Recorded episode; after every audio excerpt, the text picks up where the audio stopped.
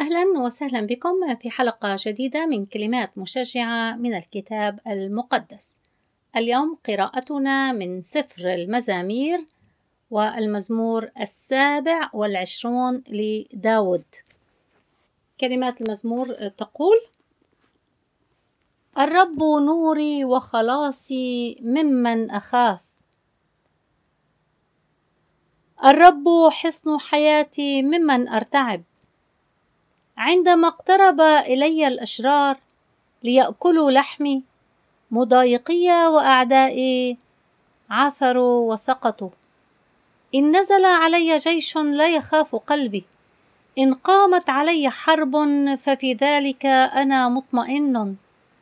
واحدة سألت من الرب وإياها ألتمس أن أسكن في بيت الرب كل أيام حياتي؟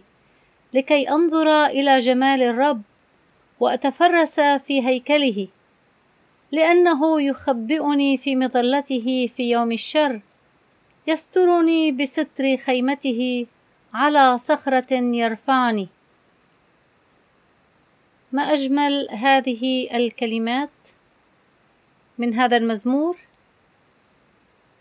الإنسان الذي يتكل على الرب الإنسان الذي يرى في الرب الحصن والنور والخلاص. فهو يقول الرب نوري الرب نوري وخلاصي. الرب هو النور لنا هو نور حياتنا الذي يقودنا من خارج الظلمة. كلمة الرب هي نور نور لحياتنا. يقول الكتاب المقدس سراج لرجلي كلامك ونور لسبيلي. الرب ينور لنا طريقنا حين نأتي إليه ونسأله العون والإرشاد. حين يكون هناك أي أمر في حياتنا لسنا متأكدين منه حين يكون هناك أمر مؤلم ومزعج ونريد الراحة نأتي إلى الرب ونطلب منه أن ينير طريقنا ويعطينا الإرشاد يرفعنا فوق كل صعوبة وكل حزن وكل ألم.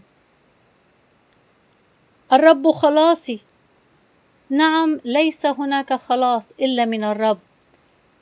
لا نتكل على ذراع بشر ولكن نتكل على ذراع الرب القوية. اليد القوية التي تحملنا يوم بعد يوم.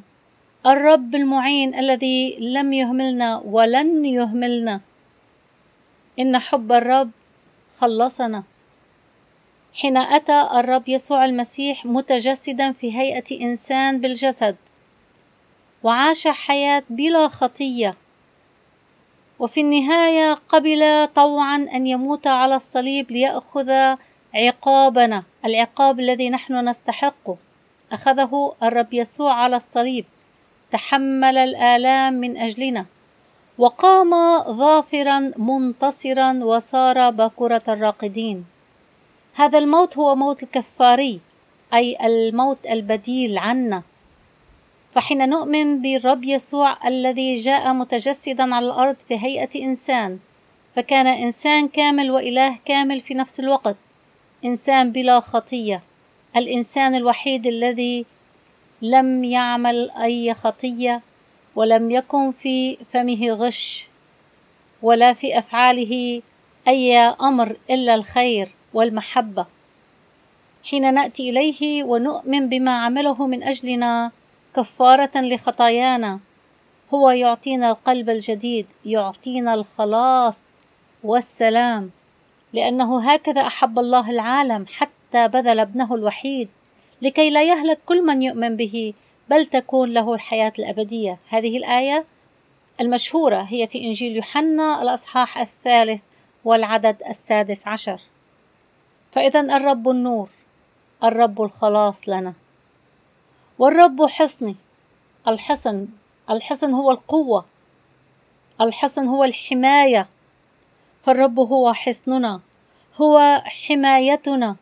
بدونه لا نقدر أن نفعل شيء. فحين نرى أن الرب نورنا وخلاصنا وحصننا لا نريد اي شيء آخر. من لنا في السماء ومع الرب لا نريد شيء على الأرض. نرى أن صاحب المزامير بعد أن استنتج وتأكد وأقر بأن الرب النور والخلاص والحياة والحصن قال واحدة سألت من الرب وإياها ألتمس أن أسكن في بيت الرب كل أيام حياتي لكي أنظر إلى جمال الرب وأتفرس في هيكله. انظروا الإنسان الذي يدرك من هو الرب في حياته وما قيمة الرب في هذه الحياة يصبح طلبه الوحيد واحدة سألت من الرب أن أسكن في بيت الرب أن أعيش مع الرب. أطلبك أنت يا رب وجهك يا الله نطلب. خلاصك نطلب نورك نطلب. قوتك نطلب يا رب أعطنا يا رب أن نطلب أنت لا شيء سواك. نطلبك أنت يا رب ولا شيء سواك معك حين كان بولس في الجسد كان هناك عنده شوكة في الجسد. لا أحد يعرف ما هي الشوكة في الجسد عند بولس. هل كانت ضعف في النظر؟ هل كانت تعب جسدي؟ لا نعرف بالضبط ما كانت الشوكة وبقصد الكتاب المقدس لم يحدد لنا هذه الشوكة. ربما حتى كلنا نفتكر بأن الشوكة هي بشكل عام هي ألم جسدي. فلا أحد يقول آه، آه، ليس شوكة هذه أو يجب أن يكون عندي مثل بولس حتى أقول قوتي في الضعف تكمل. فيبدو أن الكتاب المقدس قصد أن لا يذكر لنا هذه الشوكة ولكن نعرف أنها آه، أمر في جسده ضعف في جسده. في البداية بولس كان يطلب أن أن تزال هذه الشوكة أن يزال هذا الألم الجسدي أو الضعف الجسدي. ولكنه حين أدرك أدرك أن قوة الرب تكمل في الضعف. حين قال له الرب تكفيك نعمتي لأن قوتي في الضعف تكمل. فكلما شعرنا بالضعف زاد اتكالنا على الرب وزاد اتكالنا على قوة الرب وزاد شعورنا واتكالنا وثقتنا أن الرب هو قوتنا وليس نحن قوة نفسنا. فنشكر الرب على كل ما في حياتنا حتى الأمور الصعبة التي تقودنا لنلجأ للرب ولنعود إلى الرب هي أمور نشكر عليها. أحيانا آه، لا نطلب الرب في الوقت الذي كل الأمور تسير بشكل ممتاز ولكن ربما يأتي ضعف ربما يأتي فقدان أحباء ربما يأتي مرض أو حتى فشل وقتي. آه، تأتي هذه الأمور وتجعلنا آه، نراجع حياتنا. ربما على فراش المرض آه، آه، ننشغل بالرب أكثر ويصبح لدينا وقت أكثر لنفكر بالرب وبالحياة وبقيمة الحياة. فحين نقوم من فراش المرض ربما نأتي بتصميم جديد نأتي بمنظور جديد للحياة ويكون هذا بسماح من الرب. فحتى الأمور الصعبة التي يسمح بها الرب تكون لخيرنا تكفينا نعمة الرب لأن قوة الرب في الضعف تكمل. إن كانت حياة داود التي كانت كلها أخطار. داود حين قال هذا الكلام واحدة سألت من الرب وإياها ألتمس أن أسكن في بيت الرب.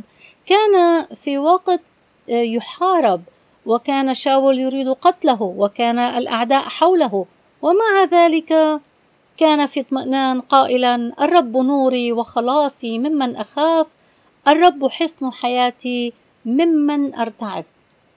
فإن كان هذا لسان داود المحارب الخائف كان الهارب أصبح شجاعا وقويا. إن كان هذا لسان داود ماذا يكون لسان حالنا الآن؟ نتكل على الرب. إن كان الله معنا فمن علينا؟ الله معنا ولنا وفينا. ثقوا بالرب. نثق أن الرب هو المنتصر فينا نثق أن النصرة هي من الرب على كل الأمور الصعبة. لا نخاف من الظروف لأن نركز على أمر واحد هو الرب. رجال الله العظماء ونساء الله العظيمات يطلبون شيء واحد وهو أن نكون في محضر الرب رضا الرب. حين نفهم ما هي الحياة طلبنا هو واحد الحاجة إلى واحد. نرى أن داود هنا الحاجة إلى واحد الرب. بولس الحاجة إلى واحد. حيث يقول بولس أني أحسب كل شيء خسارة من أجل فضل معرفة المسيح. يقول أفعل شيء واحد أنسى ما وراء وأمتد لقدام أسعى نحو الغرض لأجل جعالة دعوة الله العليا في المسيح يسوع. فبولس حين سعى إلى شيء واحد هو يقول أسعى لشيء واحد نحو دعوة الرب. ونجد أن الكتاب المقدس يخبرنا عن أختين مرتا ومريم ومريم كانت تجلس عند قدمي يسوع تتعلم منه. اختارت مريم النصيب الصالح الذي لن ينزع منها.